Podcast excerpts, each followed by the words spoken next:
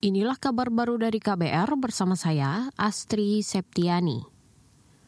Bakal calon Presiden Prabowo Subianto menegaskan akan fokus menghadapi Pilpres 2024.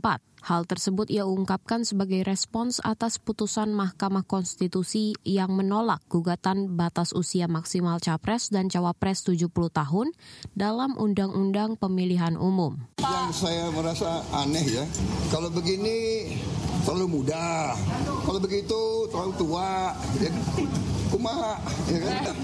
Jadi kalau nggak cocok dicari-cari, ya demokrasi ya demokrasi lah, ya kan? Biarlah biar rakyat yang milih, ya kan? Tapi alhamdulillah ya kita jalankanlah demokrasi yang sebaik-baiknya ya.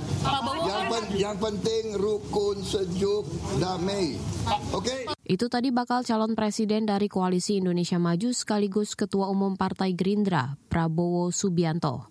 Di lain pihak, kalangan pakar menilai Mahkamah Konstitusi tidak netral dalam pengambilan keputusan batas usia minimal capres dan cawapres menjadi 40 tahun atau berpengalaman sebagai kepala daerah. Pakar Hukum Tata Negara Bivitri Susanti mendesak MK berbenah serta memperkuat pengawasan terhadap para hakim konstitusi. Saudara kita beralih ke informasi selanjutnya. Tim Pembela Demokrasi Indonesia atau TPDI dan Persatuan Advokat Nusantara melaporkan dugaan praktik kolusi dan nepotisme terkait putusan Mahkamah Konstitusi soal batas usia minimal calon presiden dan wakil presiden ke Komisi Pemberantasan Korupsi KPK. Para terlapor adalah Presiden Joko Widodo, Ketua MK sekaligus adik ipar Jokowi Anwar Usman, bakal calon wakil presiden sekaligus putra sulung Jokowi Gibran Rakabuming Raka, hingga Ketua Umum PSI sekaligus putra bungsu Jokowi Kaisang Pangarep. Koordinator TPDI Erik Samuel Paat menduga bahwa para terlapor sengaja melanggengkan kekuasaan melalui putusan MK terkait batas usia minimal capres dan cawapres pekan lalu. Kita berharap KPK tanggap cepat. Karena ini sangat sangat bersih kalau lamba-lamba, ya kan, jadi permasalahan lagi. Jadi kalau kita mau menjelaskan masih panjang lagi, nanti kita akan mengambil tindakan lagi, kami undang lagi. Ada masalah-masalah lain yang kami, yang kami tidak bisa ungkapkan sekaligus, ya. Koordinator TPDI Erik Samuel juga menduga para terlapor telah melanggar Undang-Undang Dasar 1945 dan TAP MPR tentang penyelenggaraan negara bebas KKN. Khusus terhadap Anwar Usman, Samuel menduga ketua MK itu melanggar undang-undang kekuasaan kehakiman karena menjabat sebagai ketua hakim MK merangkap ketua majelis hakim.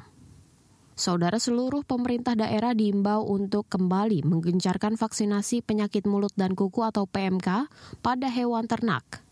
Menurut Inspektur Jenderal Kementerian Dalam Negeri Tomsi Tohir, virus yang banyak menyerang ternak sapi dan kambing itu hingga kini belum sepenuhnya menghilang. Di beberapa daerah, penyakit kuku dan mulut terkendali namun tidak 100% hilang. Begitu kita lengah, penularannya ini lebih cepat dari COVID, Pak.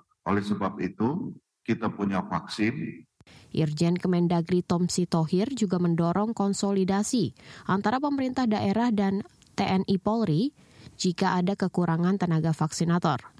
Selain itu, Tomsi mengatakan bahwa percepatan vaksinasi dilakukan untuk mengantisipasi vaksin menjadi kadaluarsa sebelum dapat digunakan.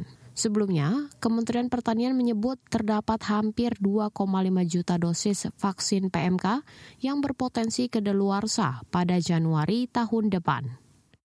Inilah kabar baru dari KBR bersama saya, Astri Septiani.